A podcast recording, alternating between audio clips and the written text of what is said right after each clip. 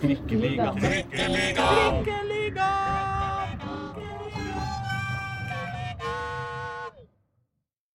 Hei og velkommen til Trikkeligaen sesong 3, episode 53. Det er Dagsavisens podkast om Oslo fotball med meg, Aslak Borgersrud, og Pål Karstensen. Hei, hei. Går det fint? Det går fint. Litt kaldt, men det går fint. Ja, det er det, fordi vi sitter eh, altså på et anlegg som, eh, som eh, praktisk talt er vinterstengt. Vi er i uh, Vålerengas eh, herlige podkaststudio på Intility. Og grunnen til at vi er det, er at vi sitter her med deg, Harriet Rødd. Hei. Hei, går det bra? Ja, det går bra. Ja, Du er daglig leder i Vålerenga Våleng... Vå... Det er så vanskelig, den, her, den organisasjonen deres. Ja, den er litt vanskelig. Hva er det du er igjen? Jeg er direktør i Vålerenga fotball. Du er direktør. Jeg trodde du var daglig leder. Ja, det er samme. Det er en fornærmelse. Ja, samme. Ja, ja. Men uh, i Vålerenga fotball. Og det betyr bredde og damer. Bredde og damer, og eier stadion, da. Med stadionselskapene. Det er eh, rim på bakken og ingen fotballspillere å se. Nei, nå har vi sendt alle A-lagsspillerne på ferie. Ja. Men ute på Vallefeltet er det jo full aktivitet med bredden. De ja. spiller jo helt fram til det er Ja, så lenge de kan. Jeg veit. Jeg, har noen, jeg, har jeg har et barn der. Ja. Åh, det, er, det er kaldt eh, der oppe nå. Å, det er kaldt. Du må ha på deg ordentlig med klær når du skal stå der. Ja, og det er du ansvarlig for. Det er jeg ansvarlig for. Ja, ja, ja, bra. Nei, men, men hva, hva, hva, hva, gjør du? Ja, jeg eh, har liksom da øverste ansvaret for at vi har et eh, A-lag og en breddefotball som når de målene som vi har satt oss, da. Ja, Mm. men et, altså e- ett A-lag.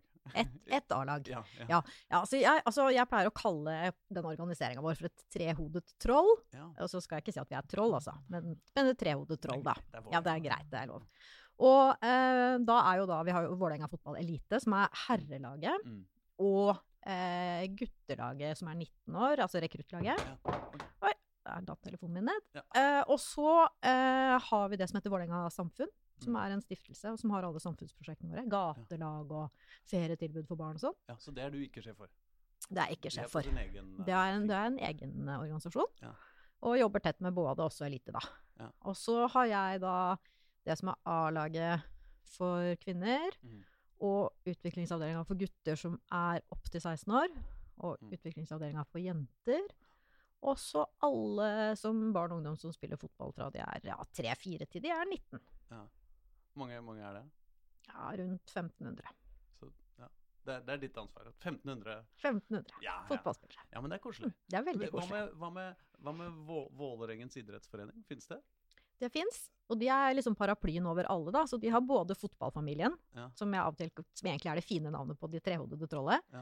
Og så har de jo hockey og håndball og Ja. ski og Ja. Ja. Men, men de, de, det, det er noen som sitter et sted og har et kontor og heter Vålerengas idrettsforening også? Ja, de holder til i brakka, Ja, ja selvfølgelig. selvfølgelig. Og har et eget styre.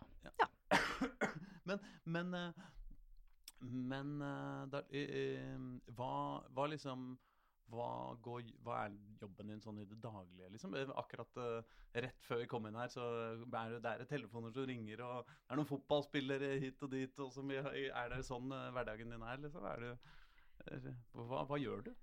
Ja, jeg, jeg, jobber jo veldig, jeg jobber jo veldig mye med på en måte mer sånn overordna ting, da. Men Mm. vi er jo ganske sånn hands on, og det er jo liksom vitsen er jo å være tett på de som spiller ute på feltet. Mm. Så det er mye telefoner og, og sånn. Eh, vi jobber veldig mye med eh, at A-laget vårt skal ta skritt ut i Europa. Mm. Så det handler jo mye om hvordan får vi til det? Hva Mm. skal til? Eh, så jobber vi med å etablere utviklingsavdelinga på jentesida. Som i dag så har vi jo et eh, J19-lag, et rekruttlag. Mm. Men vi skal jo ha hele utdanningsløpet også på jentesida. På samme måte som vi har på guttesida. Altså et, eh, et U13 og et U15 og sånn. Har dere ikke det? Ikke på et elitenivå. Oh, sånn, dere har, det er bare folk som spiller fotball, liksom? Det er ikke, det er Mm. Det er, sånn det er barne- og ungdomsfotball, men det er Mm. ikke liksom den elitesatsinga som er på guttesida. Den er i ferd med å bygge opp. Det er ikke, nei. Det er ikke det. Eh, og så jobber vi veldig mye med at eh, det skal være sånn at alle de spillerne som spiller her, da, om de er fire eller sju eller tolv eller 19 eller whatever, at de skal føle at det er trygt å komme hit, at de blir sett, Mm. at de får utvikle seg som fotballspillere. Ja. At vi liksom er en aktør som tar et samfunnsansvar, da, ikke bare er en fotballklubb.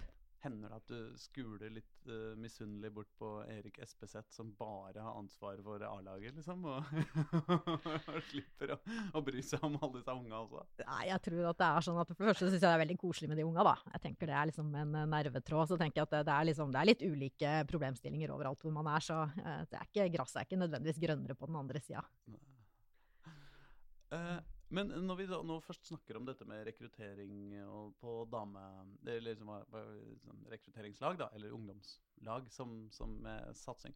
Det er jo uh, Alt er jo rosenrødt rundt og omkring Vålerenga damer, og alle er entusiastiske, og det blir medaljer hvert år, og alt er gøy.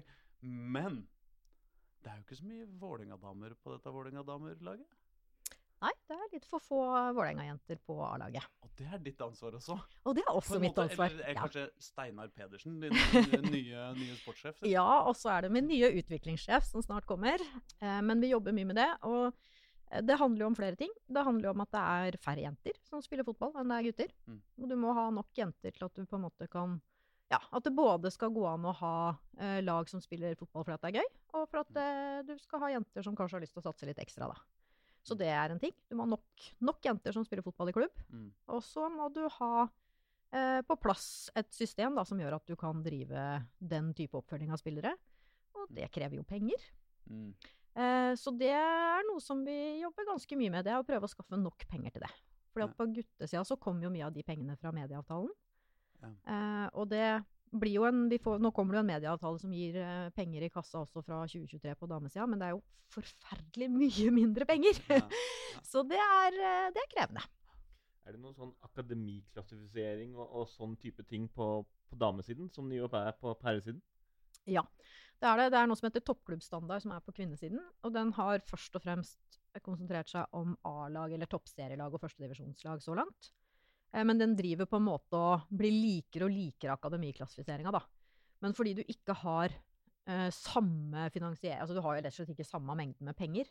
Så eh, er det vært viktigere for den å på en måte jobbe inn mot A-lagene, da, eller ja, eh, enn det har vært å jobbe mot utvikling. Men det kommer jo mer og mer, og det kommer et ganske stort skifte på det med de nye mediepengene, da. Det er mulig å putte mer penger i det også. Så det er kanskje litt av et sånt eh, jeg håper Det Problemet med at det ikke er så mange Vålerenga-damer på Vålerenga, er jo at det har heller ikke vært de samme mekanismene i spill. Eh, Iallfall ikke så lenge at du kan ha en velfungerende utviklingsavdeling for å få opp de unge jentene i like stor grad da, som du har gjort i, på, på herrelaget. Det er helt riktig. Og det tar jo tid. Det tok vel kanskje ja, nesten ti år, da, før du liksom får det til å bli ordentlig god utvikling på den måten at du liksom kan ta opp folk til A-laget hele tida. Og ja, mm. du har god, god rytme på det, da. Mye mye my penger er det i den der medieavtalen? da? På damesida så er det 35 millioner per år. Eh, og så skal jo det fordeles da på ja, 20 lag. Det er hele potten, liksom? Det er hele mm. potten, ja. Mm. Mm. Så du kan få to, liksom, hvis du er litt god? Ja, nå har de jo gjort en del med hvordan du på en måte fordeler, da. Så nå kommer det en del på resultatbonus. Ja. Eh, og så kommer det noe i forhold til eh, nettopp hva slags utviklingsstrukturer du har, da. Så det er liksom satt sammen hvordan de fordeler penga. Så det gjør at du får eh, Du vil jo ikke få en flat fordeling av de penga på de 20 laga. Men, så du kan jo få mer enn to, men der likevel så er det jo i det mm. store løpet ikke så mye. Mm. Og så er det jo sånn at det er den summen du har fram til 2020, ut 2027, da. Og det er jo ganske lenge i kvinnefotballen når det går så fort. Ja, sånn, ja. Så ja. hvis du får, ja, la oss si fem, da. Ja. Hvis du får fem millioner, så skal, du, så skal de vare hele Det er for hele TV eller du, kanskje du får fem per år, da. Men, si at, men, du, ja, sånn. men det er det du får. Du mm. får noen øk, du kan ikke regne med å få noen økning over de neste femårsperioden, da. Med mindre man vinner og, og, greier? Ja, altså du kan få liksom innafor på en måte at du får en million opp eller en million ned hvis du blir første eller tredje eller fjerde eller sånn. Men liksom du får ikke en du, Det er ikke der du kan hente de ekstra pengene som du kommer til å trenge da, ja. for å kunne satse mot Europa. Men hvor stor er liksom økonomien i Vålerenga, hvis vi bare ser på dame, ja. damelaget, da, ja. liksom toppserielaget? Hvor, hvor, hvor, mye, mye, penger har dere? Hva, hva er budsjettet deres på? Rundt 25 mil. 25? Ja. Det var litt, en million mindre da, enn det vinneren av Eliteserien får hvert år. Ja. Fra NFF. ja. Eller altså til sammen, da. Med, med mediepenger og mm. prispenger og sånt. Ja, Men samtidig så er det ikke så langt unna sånn Obos-nivå, er det det? Er ikke de uh, du, du, som kjenner sånt bedre, Pål? Nei? Jo, altså Eh, Det er jo, det er jo ikke all, jeg skal vi kalle det all verdens med penger i, i Obos-ligaen heller, men det er mer, mer penger enn det er på, på damesiden. Ja. Jeg ser jo at Vålerenga nå, altså da herrelaget, da, Mm. fikk mm. 11 millioner for sin eh, plassering i uh, Eliteserien, så ble det nummer seks. Ja. Eh, og eh, vi kan jo se de siste eh, i hvert fall tre-fire sesongene at damelaget har jo skal vi si at de har prestert bedre enn herrelaget. Men økonomisk så, så er det jo fortsatt langt bedre å komme holdt på, den velkjente trygge sjuendeplassen for Vålerenga enn å, det er å vinne serien for, for damene. Ja. Men, men hvor, Så hvis du har 25, så kanskje du får fem fra Eller noe sånt, da. Fra, fra TV. Fra, fra TV-penger. Hvor, hvor, hvor, hvor, kommer resten av penga fra? Ja, det, det er det vi har å rutte med, og de fem ligger inne i de 25. Jo, ja, men, Ja. men hvor kommer de 20 de 20, ja, de resten av penga fra? Jeg, jeg, har, jeg har jo vært her en del ganger. Det er ikke så mye billettinntekter, tross alt. Nei, det er det ikke. Eh, nei, det, vi har jo hatt en hovedsponsor Mm. som har eh, vært med oss eh, i mange år, Mm. eh, og uh, Redmit. Og, og det er jo de som har gjort det mulig å satse så tungt som vi hva, har. hva kalte du dem? Redmit. Redmit? Ja, Det- er, et- det er et firma, og de driver annet med e-sport. Eh, og de har vært med oss hele veien. Eh, og de har eh, de, Det er jo de som har gjort det mulig. Mm. Eh, det er de som gjorde det mulig for oss å profesjonalisere spillertroppen vår og, Mm. og satse tungt. Mm. Eh, og vært med hele veien. Eh, jeg tenker jo at det er Det som kanskje ikke kommer så godt fram, da, det er jo at Mm. de faktisk har vært en pioner, tenker jeg da, i kvinnefotballen, faktisk. Vært eh, noen av de første som gikk tungt inn i kvinnefotballen, Mm. Sammen med noen andre, da, eh, og satsa. Men det har kanskje egentlig vært mer av eh, veldedighet eh, eller interesse eller noe sånt enn av liksom de rein sånn det, det er ikke sikkert de på De kan regne hjem den, den investeringa. Du kan ikke regne hjem den, den investeringa hvis Nei. du ikke syns at det er morsomt å være med å utvikle kvinnefotballen, da. Ja. Og være med å løfte norsk kvinnefotball ut i Europa. Ja. Da, hvis du syns det, da kan du regne det. Ja, ja, ja, ikke sant? Ja. Men er, det, er, det, er, det, er de, er de penga er, er de penga med videre også? De penga håper jeg at er med videre. Mm. Eh, og så øker jo markedsinntektene våre også. Ja. Eh, så vi har jo hatt en ganske kraftig vekst i markedsinntektene for øvrig da, de siste årene, og håper jo at det fortsetter. Eh, så det er jo de viktigste inntektene ved siden av de NFF-penga. da. Men det jo, vi har jo større både markedsinntekter og, og, og fra, fra investorer. da. Nei, det, det kom jo skattelister i, i går. Ja. Jeg har kikka over, eh, kikket over eh, i hvert fall eh, litt av lageret. Det, var, det er jo ikke sånn Det er litt forskjell på mennene og damene. Det, det, det, det må det vel være lov å si. Ja, Damene har svært moderate lønninger. Ja. Eh, men du kan si at på oppsida da, så hadde Vålerenga sitt første helt profesjonelle lag i 2020. Ja. Og nå er jo alle spillerne våre De lever jo av å spille fotball. Mm. Eh, og så har vi selvfølgelig et par som går på skole, Mm. eh, men bortsett fra det så lever de av det. Mm. Så de, trener, de lever en helt profesjonell hverdag her på Intility, liksom. Ja. Det er en enorm forskjell. Vi husker vi hadde jo uh, Guro Pettersen Mm. i podkasten her. Mm. Altså, Forholdene var like ute på banen, men det var jo fordi det var jo helt i starten av året. Og hun Ja. snakka jo om altså, de to første gangene hun var her, som hun hadde vel bare fire jobber. Hun Ja, hadde ved siden av å spille for Vålerenga, bare for at du skulle få det til å gå rundt. Ja. Og det sier jo også ganske mye om utviklingen på, på kvinnesiden. Mm. Fordi det var jo i sånn 2013-2014, så det er jo kanskje mer, det er jo bare sånn åtte-ti år siden det er. Så det har vært ganske store steg i, i kvinnefotballen. Var det noe sånn måtte vaske garderoben sjæl og hele pakka? Var det ikke det? Jo. Hvis jeg ikke husker det helt feil. Det slipper de nå. Det slipper de. Ja, men det er bra. Men uh, apropos, uh, apropos uh, lagets største stjerner. for selv om du er daglig leder, så er det jo tross alt et fotballag du er daglig leder for. Uh, Dejana Stefanovic og Sticky. Ja. Hva, hva, da, hva skal dere gjøre med det? Ja, vi får vel skaffe oss en ny midtbanespiller, kanskje?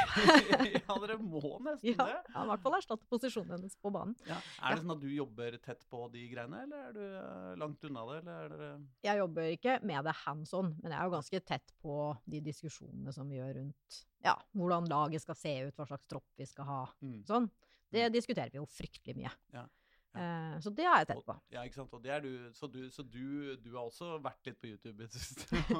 ja, nei, det gjør jeg ikke. Jeg ser ikke på spillere. Det gjør jeg ikke. Men, og det kan jeg. Ikke noe, jeg kommer jo ikke fra fotballen heller, så har jeg ingen. Jeg klarer ikke, jeg kan ikke bedømme fotballspillere på det nivået. Jeg Har ikke sjans i havet. Men det er det jo ingen av oss som kan. eh, altså vi utafor, men vi gjør det jo likevel. Ja, ja.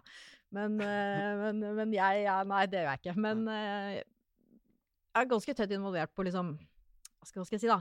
Hvordan vi, er, vi, er, vi snakker veldig mye om hvordan vi skal klare å ta det skrittet ut i Europa. Vi har internasjonale ambisjoner, og vi snakker veldig mye om hva betyr det. Altså, hva betyr det for hvordan vi bruker pengene våre? Hvordan, hva betyr det for hvordan vi setter sammen troppen vår? Eh, hva betyr det for hvordan vi liksom, hva slags trener og støtteapparat må vi ha? Hva har de som er de som, de som klarer å kvalifisere seg til Champions League, da. Hva har de som vi ikke har? Mm. Eh, og det, eh, det diskuterer vi mye i trener- og støtteapparatteamet med sportslig ledelse eh, og med styret og, og sånn. Og det, så det er jeg veldig tett på. Hva, hva, hva, hva- er det dere har Hvordan går den diskusjonen, på en måte? Hva, har de i, eh, i Bergen og Trondheim? Og Altså, jeg tror ikke Bergen og Trondheim og, altså Jeg tror at det Brann og Rosenborg og Vålerenga er ganske likt stilt. Mm. Det er ikke store forskjellene mellom de lagene. Noe er det, men det er ikke veldig mye. Eh, det som er forskjellen, det er jo på en måte det neste nivået som er ute i Europa, da. Altså hvis du tar de som klarer å kvalifisere seg til Altså sånn som de svenske, da. De beste svenske. Hekken, Hekken og. Rosengård og sånn. Mm. De har eh, De har nok en, en spillerstall som er noe eldre. Mm. Eh, noe mer erfaren. Um, og så har de nok fremdeles også noe mer på trener- og støtteapparatsida. Kanskje ikke så veldig mye, det er nok ikke der forskjellen er størst. Mm. Eh, og så har de nok kanskje noe mer å rutte med i forhold til uh, trening, da. Mm. Mange sier at det er gratis å trene, og da ler jeg alltid, for det er veldig, veldig dyrt å trene. hvordan, hvordan, hvorfor er det? Jeg får leie ba for liksom Du har din, din deres tid, liksom? Ja, det ene er vel sånn baneleie og, og halvleie og alle sånne type ting. Men uh, når du skal ha et lag som skal trene profesjonelt, så skal de ha mat. Mm. De skal ha en meny som er sammensatt på riktig måte, som gir riktig ernæring. Eh, de skal ha eh, treningsopphold, de skal ha internasjonal matching, de skal reise og treffe lag som gjør at det, de får en følelse med hvor gode de som de skal møte i Champions League-kvalifiseringene er. Mm. Eh, ja, så da, og gjerne og det er medisinsk testing for å se på hvordan de altså, I dag så er jo moderne fotball er jo veldig hva skal jeg si da, det er veldig sånn ganske teknologidrevet. da, og Du skal ha mange folk i arbeid for å sitte og se på den minste detaljen i treningsprosessen. Mm. Så det er veldig sånn arbeidskrevende. Det er jo mer sånn eh, GPS-vester, statistikk Mm. Alt den, den biten som jo eh, altså ingen tenker over. Og bare for å uh, se hvordan spillerne presterer, og for å få de til å prestere bedre. Mm. Sånn, det også koster jo litt penger. Altså, det er masse sånne ting som jo eh, koster penger, eh, som du ikke tenker over i det hele tatt. Og det gjør jo at det ikke er gratis å trene. Altså, det er jo gratis å trene i den forstand at alle kan jo egentlig bare altså, gå ut og løpe, eksempel, eller uh, gå opp og spille fotball på, på Løkka. Mm. Men det holder jo ikke hvis du skal bli blant Norges beste eller komme til Europa. Men samtidig så er dere jo det, det, det Jeg mener Nei, det er jo ikke Altså, jeg mener det er jo, det er jo åpenbart ikke gratis å sette opp et uh, Altså sette opp alt dette. Ja, nå vifter jeg rundt meg som om folk kan se. Men, men, uh, men liksom ikke så, er så stor forskjell på om dere trener Om de trener to og en halv eller to eller tre eller timer om dagen, er det? Det er ganske stor forskjell. Ja. De styrer belastninga ganske tett, altså. Ja. På hvor mye de skal løpe, hvor, stor, eh, hvor mye belastning skal spillerne ha i forhold til kampprogrammet. Mm. De skal være klare for å kjøre et kampprogram, så de tåler det kampprogrammet når de kommer ut i, i den mest hektiske delen av sesongen. Mm. Ja, det er ganske, det er, det er ganske mye å si. Men har dere Men eh, er det langt opp til de laga som Altså mm, Ja, de ja, La Mm. oss si Rosengård og Hekken og sånn, da. Nei, det er ikke veldig langt opp. Det er et knepp. Mm. Eh, men vi må ta det kneppet. Mm. Eh, og eh, nå klarte jo ikke eh, Rosenborg og, og, og Brann å ta det nå, og vi klarte det ikke sist, vi heller. Så det er fremdeles det lille kneppet igjen. Mm. Eh, så, det, så det handler jo om å liksom på en måte Du må optimalisere alt du kan innafor de pengene du har. Mm. Fordi det er akkurat nok opp til at du må jobbe steinhardt, og så er det akkurat kort nok til at det faktisk er realistisk. Mm. Eh, og det, det handler om det, det kan handle om sånne ting som at du har en fysioterapeut. At du har nok, altså du har nok fysioterapi på spillerne når det, når det trengs. Sånn at, du har, at troppen din er helt tilgjengelig. da. På Vålerenga så var det jo veldig nære forrige gang. Eh, dere var der. Det var vel en straffekonk med Ja, det var siste Danmark, kamp var det ikke mot, eh, mot Brøndby. Ja. Det, og da, det var jo da det var så jævlig mye rør og om og men og flytting av kamper og korona og spillere som ikke ble registrert, og det var jo Altså, hvis det hadde vært eh, Hvis de kampene hadde gått korrekt for seg, på en måte, Mhm. så er det jo godt mulig at det eh, Vålerenga kunne greid det. Så det var jo veldig nære for dere. Altså, Vålerenga var jo nærmere enn det, enn det Rosenborg Brann var, var forrige sesong. Det tror jeg. Og jeg tror at det jeg, altså Nå var ikke jeg her da, da men jeg, jeg, jeg, tror også det at det, hvis vi hadde spilt under normale omstendigheter, så burde Vålerenga ha tatt Brøndby Mm. Uh, i den runden. Så det kommer jo selvfølgelig Du kan jo være heldig med trekninga eller uheldig med trekninga òg, og da er veien kortere hvis du er heldig med trekninga. Ja. Men jeg mener at det er mulig også med en hva skal jeg si, en normal flaks da, i en trekning. Men Ja. men ja. Men hva betyr det for Vålerenga, hvis dere greier det? Ja, det betyr veldig, veldig mye. Det betyr eh, etter hvert en god del økonomisk, sånn at du på en måte kan kanalisere de pengene tilbake igjen og eh, liksom utvikle deg videre. Type liksom Ja, det kommer jo an på hvor langt du kommer, da, men hvis du Ja. kommer, eh, Du kommer til grunnspiller Champions League Ja, ja, da er det liksom? rundt fem millioner, da. Ja. Eh, og så vinner du etter hvert som du vinner hver kamp, så, og taper kamper for så vidt også. Så får du, for hver kamp så får du liksom en tilleggssum. Mm. Og så sitter ikke jeg på akkurat det i hodet, men det er, etter hvert begynner jo det å bli ganske god økonomi i det. Mm. Men det andre er jo for en klubb som, har langs, som bygger en langsiktig ambisjon om Mm. at vi skal bli liksom topp 10, topp 12 i Europa, så er det jo også noe med å, å ha gjort det. Spillerne har stått i situasjonen, de har kjent på nivået, Mm. trenerteamet har stått i det, klubben vet hva som skal til. Så det handler både om måte å klare å, å hente inn penger til videre på måte annonsement og utvikling, men det handler også om den erfaringa du har med deg. Mm. For vi, vi tenker nok at vi liksom, vi skal ikke vi, Altså, toget går nå. Det er sånn hvis vi skal være med på det Hvis norsk kvinnefotball skal være med på denne drømmen her om Europa, det, det, vi må klare det nå. Det er tre, tre år. fordi Fordi det så blir så mye penger i Champions League, sånn at hvis vi ikke på en måte klarer å være med inn i den spiralen, Mm. så vil rett og slett de, de klubbene som nå er bare et, et knepp opp, da, Mm. men som kvalifiserer seg, de vil liksom håve inn disse pengene hvert på årlig basis, og kunne ta veldig store skritt på kort tid. Mm. Eh, og da blir vi fallende etter, fordi du må ha økonomien for å, for å være med. Så, så toget går nå. Mm. Men det er klart at samtidig så skal vi jo vi, vi, vi prøver å bygge en klubb som skal tåle i hvert fall sportslig litt opptur og litt nedtur. Eh, Vi skal stå stabilt i det. Eh, Vi, vi tenker liksom ti, ti år fram i tid. Og da er det på en måte å ta de små kneppa også ganske viktig. Det var litt Champions League for kvinner ble vel lagt om for to, sesong to, tre år sesonger siden. Ja. Men nett, nettopp det at det blir veldig veldig mye mer penger, og spesielt i, grunn, eh, i gruppespillet.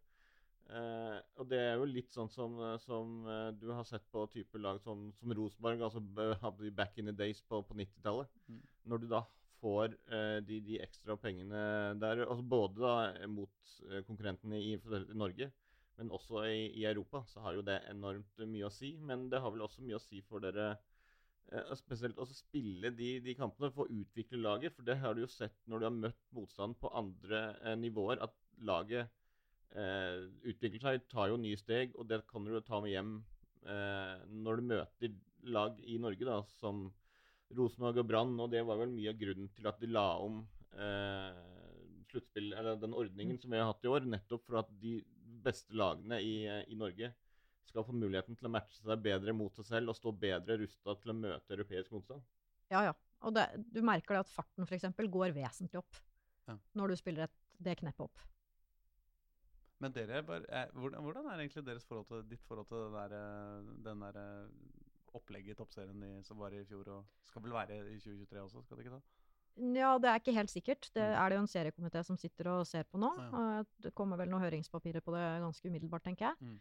Eh, nei, vi har jo tatt stilling mot sluttspill. Mm. Um, så kan du si at det var en del av de tinga som på en måte var årsaken da, til at man innførte det, det tenker jeg at det er ganske viktig å prøve å ivareta. Samtidig så er det sånn at det, du, må, du må ha et, en seriestruktur som folk forstår, og som det er mulig å følge. Mm. Som spillerne på en måte føler at de spiller noe for i hver kamp. Som trenerne føler det, som supporterne føler det. Så jeg tenker på en måte at det sluttspillet har måtte utspilt sin rolle rett og slett fordi det klarte ikke å oppfylle de kriteriene der. Mm. Så det, det tenker jeg at det er eh, Eller i hvert fall og Vålerenga har jobba sammen med Brann og Rosenborg også. Så vi er på en måte vi, har, vi tre er egentlig enige om at sluttspillet bør avvikles. Ja. Eh, av de grunnene her. Mm. Eh, og så tenker vi at det er viktig å se på hvordan vi ivaretar det at det, vi får god matching. Eh, matching mot hverandre, eh, og matching internasjonalt. Mm. Fordi det er viktig å spille mye kamper mot de som mot bra motstand, og så er det viktig å spille nok kamper. Så det at man har ti, også, ti lag i, i, i toppserien, er litt få. 22 kamper er veldig lite, hvis du Ja. ser på hva de spiller på herresida. Det er jo litt sånn eh, For jeg har jo sett at det var vel Lise Klavenes selv som var ute og sa det, at de skal se på modellen. Og det er jo opp til eh, tinget neste år igjen å, bestemme hva det blir. Men så har de vel vel én spiller eller noe sånt, av alle i hele toppserien som syns det var eh, greit. Og alle klubbene har gått imot det, så det er jo Det ligger vel i dagen at det kommer til å bli en endring. Og det var vel kanskje ikke først og fremst toppklubbene som hadde problemet, men det var jo det derre nedrykksspillet. Mm. Eh, og og det, det sa jo vi, vi var jo på den, den kickoffen der Mm. eh, tidligere i år, og da sa jo Røa sa jo det bare at ja, ja, vi har masse spillere ute med skade, og alt går dårlig, og vi kommer ikke til å vinne en kamp eh, før sluttspillet, liksom. Og det spiller ingen rolle, fordi det Grunnserien har ingen betydning for oss. Det er, Ja. det er en rekke treningskamper før sluttspillet starter, fordi du fikk ikke med deg noen poeng. Du får Altså, alt starter på nytt. Og det er liksom eh, For eksempel for Lyn, da, som gjorde kanskje Lyn gjorde vel sin, sin beste sesong i toppserien noensinne. Spilte ingen rolle. Når de tapte helt på på slutten her, så kom de inn i det der nedrykkspillet. Mm. Risikerte nedrykk. Mm. Så, Men det så kan jo ikke være noe sånn spesielt uh, positive ting å spille mot lag som, som veit heller da, at de, de første 18 kampene de skal spille, egentlig ikke har noe å si, fordi de ikke greier å Jeg mener, sånn for nivåets skyld, da, så er, kanskje, trekker kanskje ikke det så mye opp heller. Nei, og det tenker jeg er en av argumentene mot sluttspillet, Ja. da. Og så tenker jeg at det, eh, de fleste ligaene eh, har jo ganske stor forskjell mellom, mellom topp og bånd, da, eh, Mm. på kvinnesida. Så du kan ikke ha den innstillinga heller. Du er nødt Mm. til å, tenker jeg da, du er nødt til å gå inn i hver kamp og tenke at hvis du skal utvikle spillerne dine, hvis du skal utvikle laget ditt, så må du på en måte gå inn i hver kamp og tenke at du skal jobbe sånn som du, du tenker at du skal jobbe mot de beste. Mm. Så det, det tenker jeg også handler om hva slags mentalitet du går inn i det på. Mm. Men, men det er opplagt et poeng. Men, men det det, altså, teller det også da mot å utvide toppserien? Fordi, altså, som du sier, ti lag er jo lite, men hvis du da skulle utvide deg, f.eks., så vil du jo få eh, lag eh, gjerne som er si, enda dårligere enn det som er på bunnen av tabellen nå. Og det vil jo kanskje gjøre at nivåforskjellen mellom de beste og de dårligste i de kampene gjerne ikke vil eh, si, Det vil jo kanskje være utviklende for, for de dårligste lagene, men for, for dere å møte lag som ja, nå da hører til på, på, på midt på tabellen i første divisjon, eh, vil kanskje ikke være like givende, like utviklende. Jeg tenker det er det som er dilemmaet, da. Mm. At det er utviklende å få tolv, fordi at de blir bedre, de som er nederst. Eh, og så er det en ulempe for de som er på toppen, på kort sikt. Kanskje ikke så dårlig på litt lengre sikt. Både i forhold til antall kamper og at du får en hevelse. Eh, og så tenker jeg jo at det skjer jo mye i norsk kvinnefotball om dagen.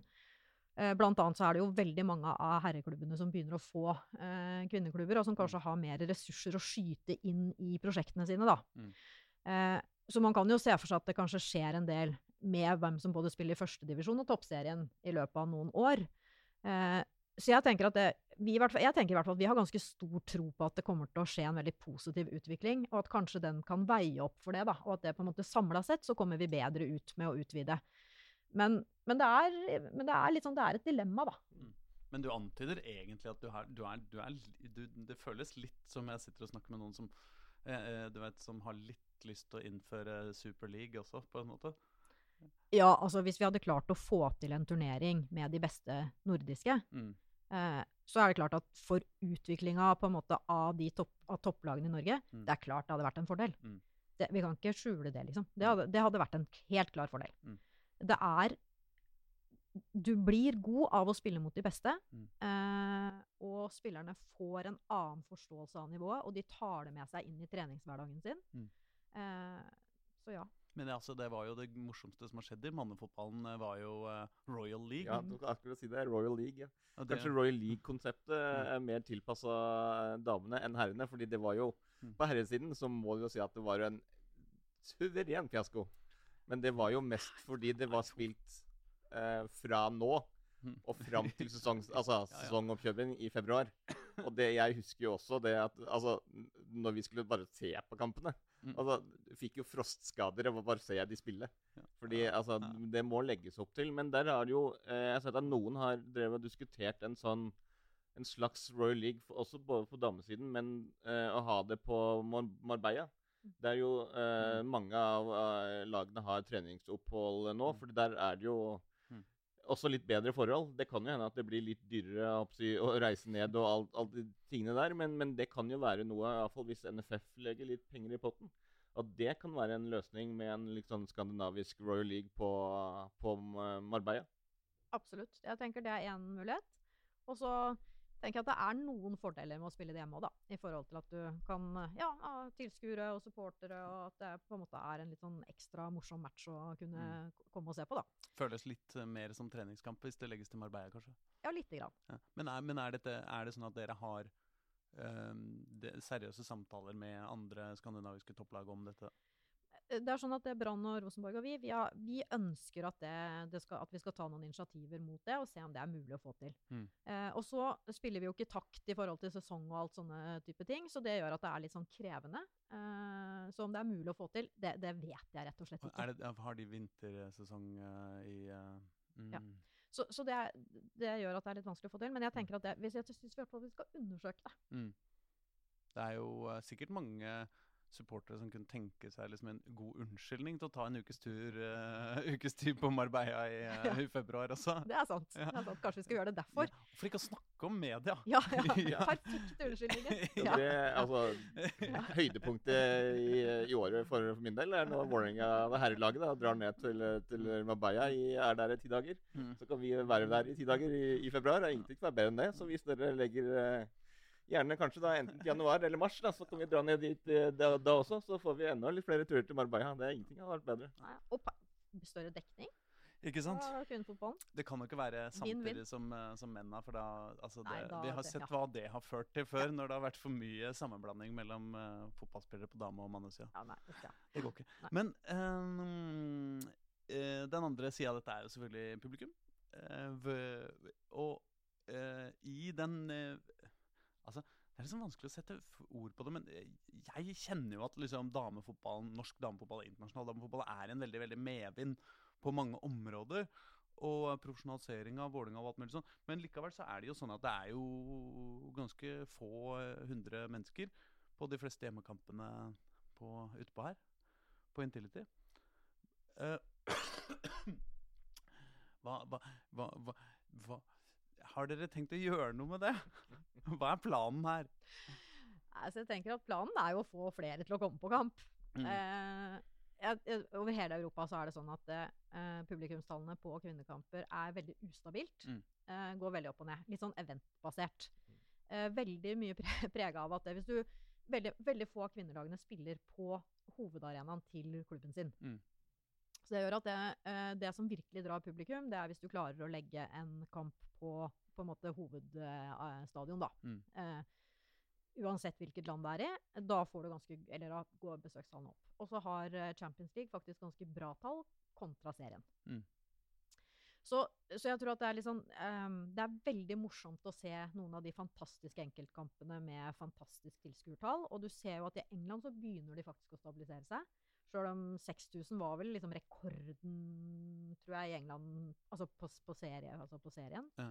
Så, så det jeg tror at vi skal, være liksom, vi skal være litt edruelige på å tenke at ja, det er litt sånn Vi føler jo at det av og til er litt få ut på Intility her, men det er ikke noe sånn det er ikke vesentlig dårligere enn i resten av Europa, og særlig ikke hvis du tar med deg befolkningsgrunnlaget. Mm. Men jeg tror det må jobbes med kontinuerlig. Så tror jeg en skal være klar over at det er litt andre support... Altså, kvinnefotballen har andre supportere enn herrefotballen. Mm. Eh, og det betyr kanskje at en må jobbe litt annerledes med det. De er yngre. Det er flere kvinner. Eh, mer verdibaserte. Eh, veldig opptatt av profiler. Mer verdibaserte? Ja, eh, eh, kvinnelige fotballsupporter fotballsupportere er veldig opptatt av likestilling. De er opptatt av mangfold. Eh, de er opptatt av, eh, at alle Ja, altså de, Vi er ikke her for å ha det moro, liksom. Vi er her fordi vi mener det. Ja, vi mener det, ja. ja det er litt sånn. Eh, og det tenker jeg er eh, veldig bra. Eh, og, og, og er liksom en unik eh, selling point, da, for å Mm. kalle det det. Men Mm. det betyr kanskje at det, den, sånn, den tradisjonelle måten å tiltrekke seg publikum på Mm. Jeg tror i hvert fall du må gjøre begge deler. Mm. Og så tror jeg jeg at eh, Og det tror jeg kanskje litt uavhengig av kvinnefotball nå, så tenker jeg at eh, folk er mindre Før jeg pleier å si det. Før så, så når jeg var liten, da så alle på barne-TV klokka seks. Mm. Og så så de på Dagsrevyen halv åtte. Sånn var det. Eh, og sånn er det jo ikke lenger. Jeg, det er veldig lenge siden jeg så på TV til et fast bestemt tidspunkt. Mm. Fotball er kanskje det ene, ene tidspunktet jeg faktisk gjør det, da. Mm. Men jeg tror at det, du kanskje må, du må liksom sette sammen en, en eh, tilskuerpakke som består av flere elementer. Én ting er liksom det å se det live på stadion. En annen ting er å se høydepunkter. Eh, kanskje er det å få SMS-oppdateringer. Kanskje er det eh, sosiale medier. Altså jeg tror du må i mye større grad tenke holistisk da, på at supporterne dine skal få det contentet du vil gi dem på mange flater. Mm. Og kanskje er det ikke like ofte på kamp, men kanskje følger de det på en måte, ja, velge, velge litt mer hvordan de vil følge fotball. da. Mm. Og at vi kanskje må legge mer til rette for det. Men antyder du i det første du sa, det der med at uh, for mange av lagene så er liksom det høydepunktet er når de kommer på liksom mannebanen? Uh, er det sånn at du egentlig har liksom litt lyst til å spille i Valhall, liksom? Og så ha én kamp i året på Intility, og så slå på skikkelig på stortromma? Det er litt nedtur, det òg. Ja, nei, det vil jeg ikke. Nei, Og det, det, er virkelig, det er jo virkelig en av fordelene til Vålerenga. At vi har ja. sånn, ja, i hvert fall Nordens beste fasiliteter. Mm. Sannsynligvis en av Nordens beste fasiliteter for kvinnefotballen. Mm. Og det er jo en av grunnene til at det, er, at det går bra. Mm. Fantastiske fasiliteter. Bane, garderobeanlegg, altså alt. Det gjør det kanskje at spillere kommer. Og det gjør at Ja, selvfølgelig. Det er jo en helt annen profesjonell hverdag enn de fleste kan tilby. Så det vil jeg absolutt ikke. Det jeg prøver egentlig å si, er at det, det er litt sånn at det, eh, store kamper er litt eventbasert. Det er, du har ikke den der på kvinnefotballen. Ingen steder så har du den der jevne strømmen med publikum som kommer eh, uansett, da. På Mm. hver eneste kamp.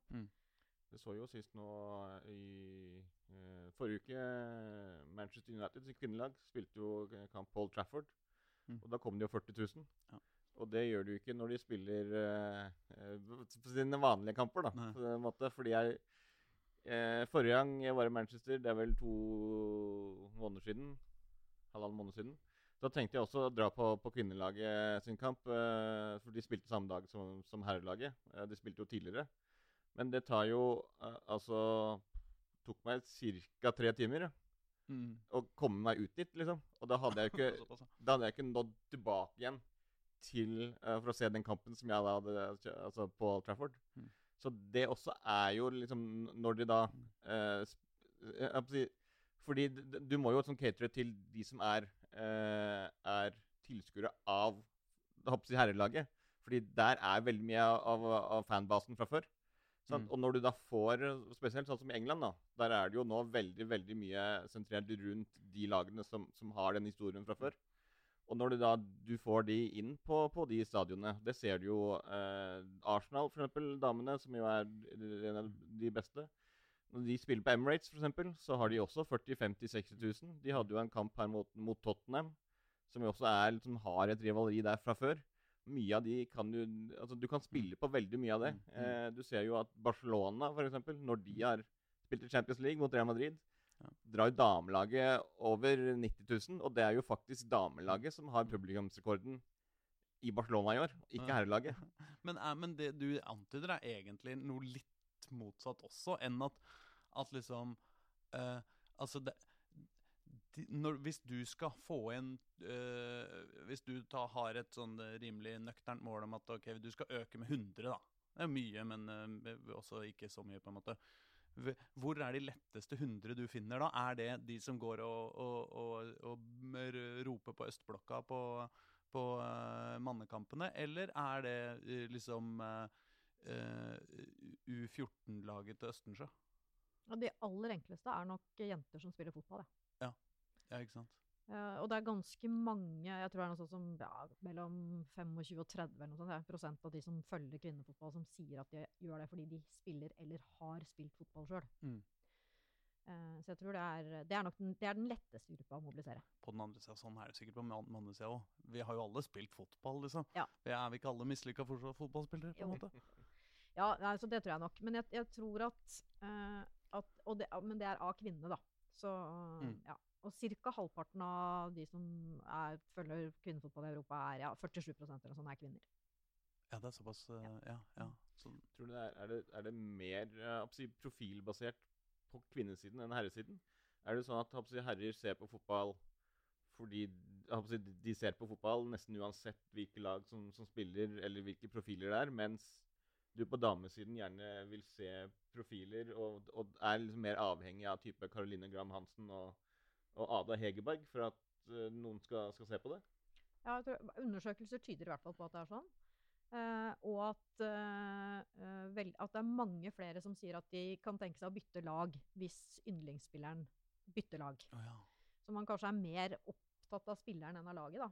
Uh, Mm. Som jeg tenker er litt sånn u uvant for Ja. noen som har Mm. mer av en sånn type tradisjonell fotballbakgrunn, da, som jeg også Mm. har. Som jeg liksom Mm. har en familie som har fulgt samme lag i mange, mange mange generasjoner, så er det liksom helt utenkelig. Mm. Men det tror jeg er mer sånn. Uh, og så er det en av grunnene til at de ser på, er at de syns at det, det er inspirerende å se, se rollemodellene sine lykkes. Mm. Så jeg tror det er mer profilbasert. Men hva gjør dere hva, hva gjør dere med det, da? Nei, og der tenker jeg jo at det er en av de tingene som vi må jobbe mye mer med, og som vi må profilere spillerne våre mye bedre på. Mm. Uh, og så tenker jeg at det er veldig veldig fint at TV 2 kommer inn og har medierettighetene på kvinnefotballen fra neste år. For jeg tenker at det er fint å få inn en stor og seriøs medieaktør da, som Mm. har helt andre muligheter til å jobbe med det innholdet. Så det ser vi veldig fram til, og det, det de har presentert så langt, har vært veldig, veldig bra. Det tyder på at det kan bli mer seriøs eh, Det, har jo, det er ikke til å komme unna at det, er jo en litt selsom opplevelse iblant å se damefotball på TV. Ja. øh, av øh, forskjellige grunner. Ja, ja, ja. Det er jo det. Og det tenker jeg at Så det, det gleder vi oss veldig til. Mm. Og så tenker jeg at det er fint at det setter noen krav til at vi også må på en måte bli enda flinkere på markeds- og, og innholdsproduksjonssida, da. Så syns jeg at vi har vært eh, ganske Eller jeg syns egentlig at Vålerenga er ganske flinke på det, men jeg tenker at i den profesjonaliseringa er jo det, dette en del av det. Eh, og det å på en måte ta neste skritt i forhold til å gjøre det, det tenker jeg både trengs og er bra for oss. Og at det er noen andre også som pusher oss på det. da. Hvordan er det å jobbe med, med, med profiler på damesiden?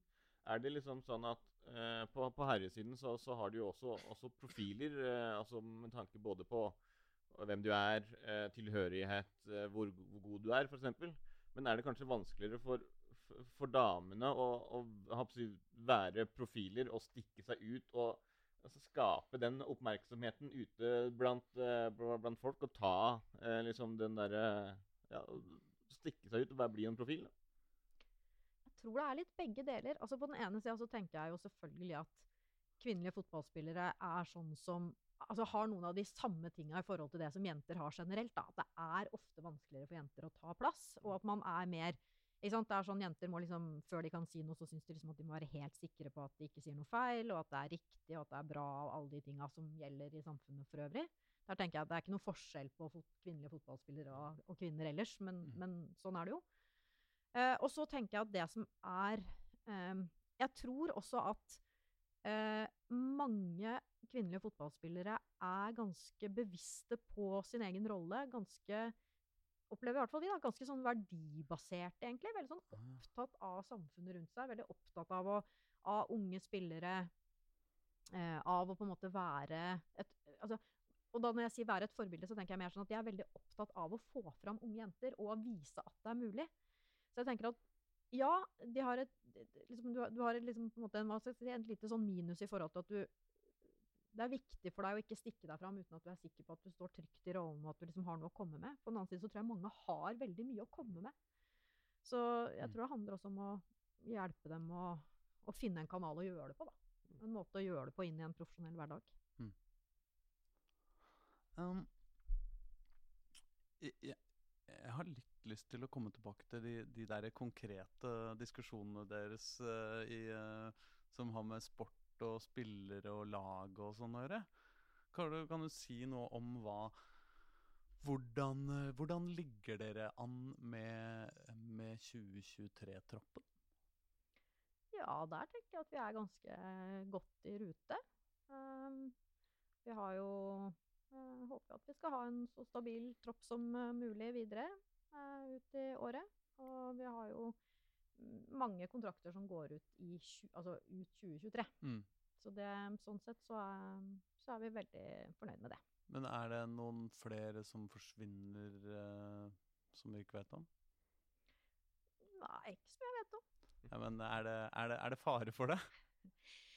Altså, jeg tenker at vi er ganske Vi, vi, vi, er, vi er interessert i å stå med en så stabil tropp som vi kan. Mm. Uh, og de fleste har Altså veldig mange har kontrakter ut, uh, ut 2023. Ja. Føler at vi er liksom i en god, god sig. Um, Mm. Ja. Men er det sånn at dere jobber nå Er, er, er, er liksom en, en, en erstatter for Diana en, en sånn ting dere konkret jobber med nå for å finne den spilleren som skal inn der? Vi jobber hele tida med å se på hvordan troppen skal se ut. Så vi, det jobber vi med hele tida. Jo, men, Ja, liksom- men både på kort og lang sikt. Ja. Og, og, og det, det tenker jeg, det jobber vi mye med. Og vi jobber mye med å se på, for det er det her jeg liksom tenker litt sånn i forhold til det, det å ta det kneppet opp. da. Vi jobber mye med å se på hva slags spillere er det du må ha for å kunne ta det kneppet opp. Mm. Og det handler ikke nødvendigvis om å kjøpe nye. Det handler jo også om å gi de vi har, den treninga og den erfaringa som gjør at de tar det kneppet opp. Sånn jeg tenker at det God spillerlogistikk handler jo ikke bare om å kjøpe spillere. Det handler jo også om å utvikle de spillerne du har, og gi dem den muligheten. Og det er ganske sånn opptatt av å se på. Ja, men ok da, men hvis du tar Hekken sin tropp, da, Mm. som er nummer to i Sverige. Mm. Hvor mange landskamper har de? Eh, hvor mange eh, landskamper har de på aldersbestemt nivå? Hvor mange Champions League-kamper har de spilt? Hvor mange kamper har de spilt? Altså, hvor Ja. mange faktiske kamper har de spilt? Hvor mye trener de? Eh, ikke sant? Og så på en måte måle våre spillere opp mot det. Ikke sant? Og se på Ja, men eh, ok, men det er ikke noe rart Hekken er bedre. De har spilt x antall flere kamper på landslagsnivå. Det er klart du får en helt annen type erfaring på det. Da må vi få våre spillere til å få det. Og da, Mm. Vi kan jo enten som tropp da, kan vi jo hente spillere som har den erfaringa, eller så kan vi på en måte si at ja, men her har vi jo mange spillere som har potensial til å bli landslagsspillere. Ja, da må vi gi dem den sjansen til å så- så komme dit. Mm. Sånn at jeg tror at det er like viktig som å kjøpe nye spillere, er det jo å tenke på hvordan utvikler du den troppen du har. Og så må du, s- altså, er det jo naturlig altså En del spillere vil jo nå et, eh, et nivå hvor de ønsker seg ut, da, for å på en måte kunne spille på et høyere nivå, eh, Mm. som vi ikke har i Norge per i dag.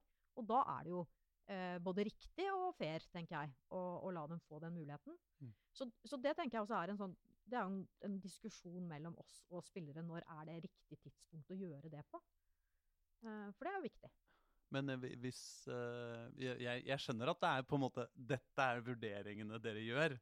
Ehm, men uh, betyr det at uh, du, du, tenker at uh, midtbanen er, er Dere har gode nok midtbanespillere? Vi, vi ser på spillere i alle posisjoner hele tida. Mm. og jobber med det kontinuerlig. og ser på, og Det nytter jo ikke å jobbe med det på kort sikt. Nei, nei, men er det ikke sånn helt men, Nå, nå Mm. spør for jeg lurer helt på ekte. Mm. Har dere ikke en sånn Jeg skjønner at du ikke nødvendigvis Ja. vil si den til meg, og ikke nødvendigvis i hvert fall ikke helt i detalj, men liksom Er det ikke sånn at dere nå sitter og tenker OK, vi har eh, vi har disse tre rollene her, de er vi hippe på å fylle i løpet av vinteren. Og så kan det være at det skjer andre ting, eller det kan være det plutselig dukker opp en eller annen, eller noen eller noen. Mm. Men i utgangspunktet så er det noe dere har tenkt at disse posisjonene har vi tenkt å handle i vinter, liksom? Ja, og vi har, det Mm. er selvfølgelig er det sånn. Og det er Mm. selvfølgelig også at vi har hvor mange spillere vi skal ha i de forskjellige posisjonene. Mm. For å være sikre på at vi står Nå skal vi jo inn i et kjempehardt eh, kampoppsett på Mm. høsten. Mm. Så da må vi jo ha en tropp som tåler det. Hvorfor det er et kjempehardt kamp? Ja, for at du har både, du har både serie og Champions League og NM. sånn at det, i, I noen perioder i høst da, så har du kamper i hvert fall to ganger i uka, kanskje tre. Ja. Og da må du jo ha en tropp da, som, som, som kan håndtere det, både Mm, mm. fysisk og mentalt. Og, ja. Men hva er det dere leter mest etter, da? Nei, altså, vi, det er klart at det når vi eh, mister en på midtbanen, så, så, Mm. så ser vi selvfølgelig etter en på midtbanen i forhold til å på en måte ha nok i, i hele oppsettet, da. Mm. Så det gjør det. Akkurat nå så henta vi jo en spiss, fordi vi ønsker å stå med flere spisser eh, inn i et sånn type kampprogram. Så det, Mm. det handler jo veldig mye om det. Fortell litt om dere nye spissa. Felicia Rogic. Hva er, eh, hva er hennes styrke, for oss som ikke kjenner henne så, så godt? Ja, nå, jeg, Du er ikke rett person å spørre meg om sånne ting, for jeg kan absolutt ingenting om, eh, om eh, sånne sportslige ting. Men det, hun er jo en erfaren fotballspiller. Um, Hvor gammel er hun? eh, 29. Ja. Eh, eh, hun er jo en som har skåret mye mål, så hun kan og vet hvordan man gjør det. Mm. Uh, uh, og så tror jeg hun er det som kalles en bakromspiss. Mm. Men jeg er ikke så, dette er ikke mitt spesialområde. Altså her, Mm. og dette overlater jeg glatt til det svært kompetente sportslige teamet som uh, fins oppe i femte etasje. Og nede i nullte her. Ja. ja, hva, hva, hva får dere til da i 2023? Hva Eh, er ambisjonene, liksom? Det viktigste for oss, det er eh, Champions League-kvalifiseringene. Så Mm. det er, eh, det er det som er det viktigste målet for oss. Mm. Eh, egentlig kommer det sikkert til å være det de, de neste sesongene også. Mm. Så det å gjøre det bra, eh, makse ut den muligheten vi har i, i Champions League. Mm. Eh, og så han, handler det om å kvalifisere seg igjen. Ja, så du må ha, du må ha sølv i serien. Må ha sølv i serien. Og du må egentlig greie den Champions League-kvalifiseringa. Eller jeg vet ikke hva man må, men det er det dere vil. Det er det vi vil. Det Mm. er jo liksom, men, men det handler det vil jo være, altså Du kan jo være veldig uheldig i trekninga også. Vi må jo se an på en måte hvordan ting går. Men Ja. for oss så er vi, vi snakker mye om hvordan sikrer vi at vi klarer å ta de skrittene ute i Europa sesong for sesong. Og da må vi jo prøve å gjøre det litt bedre enn vi gjorde sist. Mm. Det er jo det som er målet hele veien. Uh, og da, det er det aller viktigste for oss. Mm. Champions League. Har du noe mer, eh, Pål, eller skal vi si oss uh, fornøyd med dette? Kunne jo snakka om kvinnefotball, de vi òg. Det brede, vi. ja, Men, eh, ja. Nei, det, vi kan jo kanskje si oss eh, fornøyd. Vi kommer jo garantert tilbake til det her også på, på nyåret. Både med tanke på oppkjøring og inn mot eh, neste sesong. Mm. Så får vi bare se hvem det blir på midten, da. Det har jo vært igjennom det tidligere også, når du har mista Sherida Spitze. Og det eh, Det har jo gått, det. Har jo gått, det. En, Det har jo gått en- mistenkelig bra, egentlig. Det er klart det har det. Ja, jo, men jeg er fortsatt i sjokk over at det Altså, jeg mener, hun, den fotballspilleren der, liksom. Og så bare forsvinner hun, og så går det ja, Ikke helt vakke, men ja, det var helt på nivå. Det er jo ofte sånn det er, da. Ja, men det tenker jeg jo sånn ellers òg, da. Altså, det er jo ingen av oss Alle har jo bytta jobb. Det er jo ikke Det er ingen av oss som ikke er eh, Hva heter det? At vi ikke kan bli, eh, bli Folk kommer inn og fyller rollen. Sånn er det jo. det, hvis vi hadde hatt noen her fra sportslig, sportslig apparat, så hadde de jo sagt at uh, dette jobber vi for hele tiden. Vi har, uh, sørger for at vi har spillere i bakkant som kan komme opp og ta den posisjonen. Og så har vi da lister med spillere som vi går ut for å se. Og hvis vi tar den, den og den spilleren, og hvis vi ikke den kan, så går vi videre på neste, og prioriteringer og prioriteringer. Så, så det den, jeg- den leksa har vi fått nok ganger av eh, både Vålerenga og alle andre sine sportslige apparater, så vi vet hvordan eh, de tenker på det. Men jeg lurer på en siste litt sportslig Jeg skjønner at eh, Men likevel. Hvis du Hvis du hvilken, hvilken fotballspiller på Vålerenga damer kommer til å overraske oss positivt i år? Neste år, kanskje. Ja ja, 2023, da. Positivt. Eller bare sånn kommer til å overraske oss. Ja, ja, hørtes altså, sånn, hvis du har noen som du tror kommer til å drite seg Ja, det hørtes ut. liksom ut som det var sånn ja, Hvem kommer til liksom å Jeg tror, eh, jeg tror at eh, de unge Stine Brekken tror jeg kommer til å ta noen ordentlige skritt. Men dere, dere kjøper jo så mye dere kjøper nye angrepsspillere. Ja, ja. Stine Brekken spiller jo på midtbanen. Jo, jo, jo, men hun skal liksom skåre mål, skal hun ikke?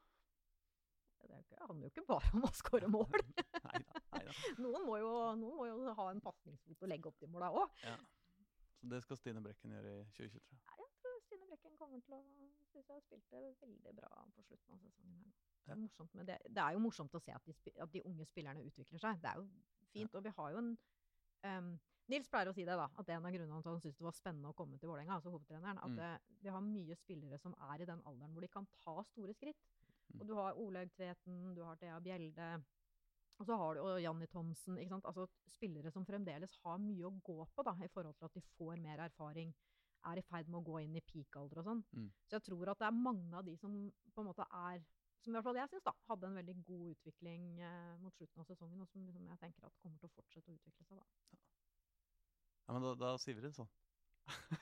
Takk skal du ha. Takk for meg. Ha det. Ha det godt.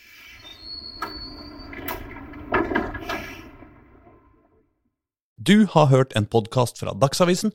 Ansvarlig redaktør heter Andreas Heen Haaland Karlsen.